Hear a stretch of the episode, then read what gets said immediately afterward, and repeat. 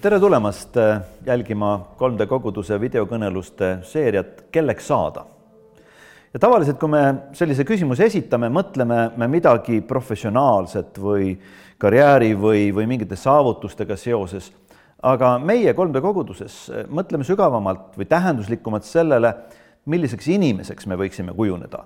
ja äh, kui me räägime karakteri kujunemisest, siis sageli nimetatakse seda ka vooruste kujundamiseks, see tähendab mingite isikuomaduste väljakujundamine, mis aitavad meil rohkem olla see, kelleks me oleme mõeldud olema. ja üheks niisuguseks äh, vooruseks või isikuomaduseks, äh, kelleks saada, oleme me leidnud piiblis ja Jeesust järgides, tähendab julgeusk. ja julget usku me võiksime defineerida äh, kui niisugust inimest, kes tunnistab julgelt oma usku püha vaimu väes, viib kirglikult ellu Jeesuse antud jüngerlikku missiooni ja on valmis selleks loobuma ka oma isiklikust heaolust.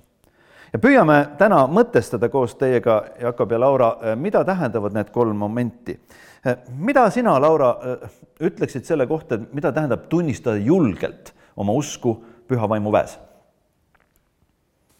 Ma toon sellise näite, et kui näiteks teadlane leiab lahenduse mõnele maailma probleemile, siis me eeldame, et ta jagab seda esimesel võimalusel avalikkusega ja me kõik saame sellest lahendusest osa. ma arvan, minu jaoks on sama ka usuga, et olles kristlane, ma tõesti usungi, et Jeesus on vastus väga paljudele eluküsimustele ja probleemidele nii indiviidina kui ka tegelikult ühiskonnana ja temast jagada on tegelikult väga loomulik ja väga rõõmustav minu jaoks, et see ei ole kuidagi mingi ekstra asi, millele ma pean mõtlema, vaid see kuidagi lihtsalt tuleb loomulikult esile vestluses, mis mul, mis minul on teiste inimestega, ma saangi jagada sellest, kuidas ta on konkreetselt puudutanud minu elu, kuidas ma näen, et Jeesusesse uskumine on puudutanud äh, teiste inimeste elu minu koguduses ja, ja lähedaskonnas. ja, ja et see on, see on kuidagi loomulik protsess ja ma arvan, et et just kui me räägime sellisest julgest usust, siis, siis me tegelikult ei mõtle sellist agressiivset usukuulutust, mida võib-olla vahel kujutatakse endale ette, kui räägitakse võib-olla, võib-olla kristlastest ja usust, et et tegelikult, kui me loeme piiblit, siis me näeme, kui tark tegelikult oli Jeesus valimaks hetki, valimaks vahendeid, valimaks meetodeid, erinevaid lugusid, kuidas ta tegelikult lähenes inimestele ja kuidas ta rääkis neile tegelikult oma isast ja taevasest kuningriigist et ma usun, et ka meie kõik peaksime just vaatama Jeesuse poole ja, ja õppima neid samu asju, et, et kuidas olla tegelikult tark selles äh, julges usus. väga head paralleelid ja ma mõtlen ka, et et kui keegi läheb lavale ja ütleb, et noh, ma ei ole kindel, kas ma peaksin olema või, või et kas ma seda laulu ikka teile üldse laulaksin või noh, et, et siis tegelikult tekib kuulajal ka ikkagi väga palju ebakindlust, et, et kas see inimene on ise kindel, et mida ta teeb. aga Jakob, sina oled küll olnud minu jaoks, aga ka laiemalt inimeste jaoks väga julge usuga inimene ja, ja oled pühendunud ka sellele missioonile, mida tegelikult äh, sa Kristuses oled leidnud, et äh, kui sa mõtled selle peale, kuidas sinu elus tuli see esile? et sa korraga avastasid, et, et sul on julget usku mõelda, visioneerida, vaadata kaugemale kui need inimesed, kes su ümber isegi sellel hetkel on. ja ma arvan, et Laura selles mõttes viitas hästi nagu sellele, et kui midagi, mis sinus nagu päriselt sinus seda kirglikkust nagu tekitab, et olgu see siis on ju seal teadusavastus või, või mingi muu asi, mis sulle väga palju korda läheb tegelikult siis, siis see loomulikult äh, tuleb välja sinust. samas ma arvan, et äh, on võib-olla teine nüanss ka, et ega me, kui see puudutab ka nagu meid endid, siis on üks asi, aga ma arvan, et just kristlikus võtmes me mõnes mõttes saamegi aru, et, et see missioon, mis meile on antud Jeesuse poolt, peaks minema kaugemale kui me ise lihtsalt, et see peaks minema ja puudutama ka nagu teiste inimeste Äh, jüngerdamist ehk siis aitamaks mõnes mõttes ka neil saada Jeesuse sarnasemaks. ja, ja noh, see, see muudab alati asju nagu komplekssemaks. Ja ma arvan, minu puhul nagu äh, kuidas ma olen näinud, et, et see jällegi, tulles viidates võib-olla tagasi eelmisele osale, et see esmalt algabki pihta sellega, et sul endal on lähedane suhe Jeesusega ja sa ise tegelikult eladki ja kehastad seda välja ja, siis äh, mõnes mõttes äh, see tulebki esile ka selles, et sa oled äh, valmis nagu seda sama elulaadi edasi peegeldama nagu teistele ja, olemaks nagu toeks nendele, nende esimestel sammudel, kus ja, ja, ja edaspidigi. Et kui ma mõtlen tagasi enda elule, siis ma arvan, et mina saingi ühel hetkel samamoodi äh, nagu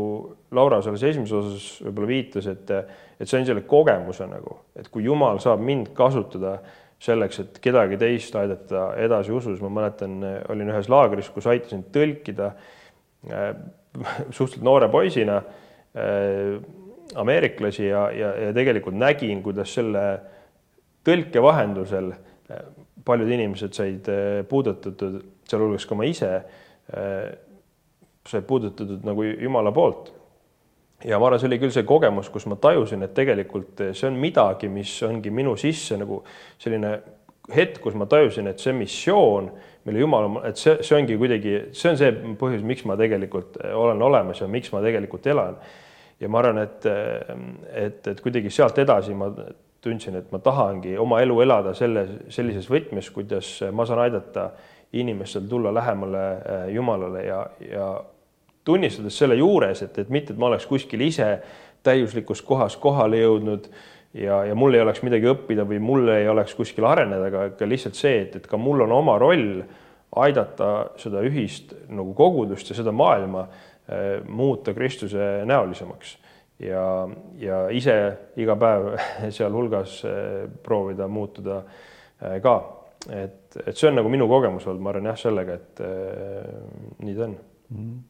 ja ma mäletan ka seda, kui kõrvalt vaadates, et, et see ongi huvitav, et see julge usk tegelikult paneb kujutlema maailma teisiti, paneb unistama teistsugust ja, ja mõnes mõttes visioneerima nagu iseennast ja teisi, et see on võimalik ja, ja need, kes muidu ei julgeks uskudagi seda, saavad tegelikult läbi selle visioneerimise nagu võimalused, aga äkki see on tõesti võimalik, et see, mida Jeesus tegi, on täna ka juhtumas. aga me ütleme ka seda, et sellise julge usuga inimene on valmis loobuma oma isiklikust heaolust. ja eriti, kui ma ise mõtlen Jeesuse peale, et siis tundub, et, et paremat nagu eeskuju siin ei olegi, sest Jeesus ei oleks pidanud tulema meie maailma, ta ei oleks pidanud kannatama meie pärast, ta ei oleks pidanud surema, võtma kõike seda nagu enda peale mingi suurema, iseendast palju suurema missiooni elluviimise nimel. ja kui ma olen uurinud ise ka läbi kiriku ajaloo neid inimesi, kes on Jeesuse järgijatena pidanud kannatama või surema, märtriks isegi olema, et ma näen sedasama mustrit natukene, et inimene, kes usub, et see on päriselt õige asi või see on päriselt võimalik, et ta on valmis kuidagi selle isikliku heaolu loovutama. Kuidas teie näete, kuidas, kuidas teie elus on see, kas see on keeruline? Või, või, või tuleb see kuidagi koos sellesama julge usu ja nägemusega elust? Aga ma ise mingis mõttes mõtlengi, et seda, kui julge meie usk on, me tegelikult ei pruugigi teada, et see tuleb tihti esile mingisugustes võib-olla väga rasketes hetkedes või olukordades. Ja ma arvan, et kui keegi ütleb, et kui tegelikult oleks täna keegi, kes relvaga ähvardaks meid ja küsiks, et kas usud Jeesusse, me tegelikult ei tea, kuidas me reageeriks selles hetkes või siit kolmest teab vist ainult äh, Meiga, kuidas sellises hetkes äh, reageeriks, et,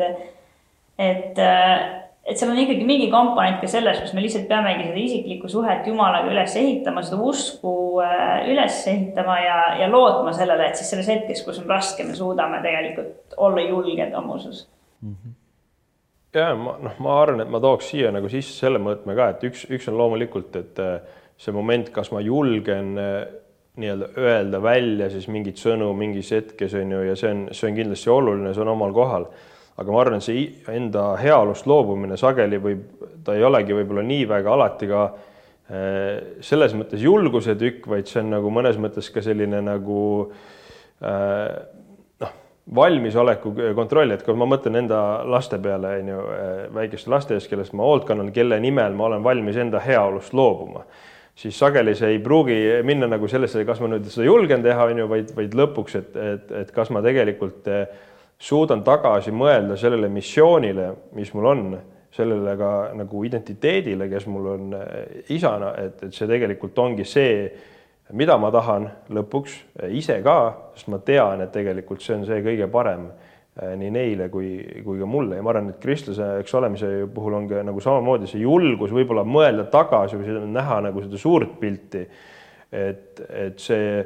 see ei ole lihtsalt eh, noh, ja ma arvan, paradoks selles ongi see, et see ei ole nagu nii, et, et, et kui ma siis ei loobu, et siis mul on jube heaolu nagu et tegelikult see on, jääb ka eh, nagu selles mõttes ilma mingisugusest eneseteostusest, mingisugusest missioonipärasest elust, mis annab meile väga tugeva tähenduse. Et see võib olla ka nagu mõnes mõttes kujundlik, et, et see, see on see suurem heaolu või, või võib-olla selline kaugeleulatuvam heaolu äh, lihtsalt loobuda ajutisest selle, sellise pika, pika nimel, pika plaani mhm. nimel. väga nõus ja, ja kuskil siin ongi võib-olla, et et me inimestena ei ole ka päris rahul, kui meil ei ole võimalik elada iseendast suurema nimel. et, et see elu kõik ainult siin ja praegu minu enese heaolu jaoks ei rahulda meid lõpuks tegelikult. Ja, ja huvitav, et sina toid nagu see tagasivaate, et piibel toob ka sellise edasivaate, et selle eluga kõik sinna ka ei lõpe. et näiteks Paulus kirjutab Rooma kirjas, et kui me koos temaga ehk Kristusega kannatame, siis meid koos temaga ka kirgastatakse sest minu arvates ei vääri nüüdse ajastu kannatused mainimist tulevase kirkuse kõrval, mida meil ilmutatakse, et, et kui me elame koos Kristusega selle suurema nimel, kui me ise oleme, et siis me saame ka osaks mingid suuremad õnnistused. ja jälle isana või vanaisana ma näen, milline õnnistus on tegelikult näha nagu, et see elu lähebki edasi. et, et need, kellesse ma olen panustanud, viivadki tegelikult elu edasi, et, et ühel hetkel me saame aru, et elu ei keele meie enda ümber ja, ja selles mõttes tõesti on hea tunnistada julgelt seda suurt usku, mis meil Jeesus on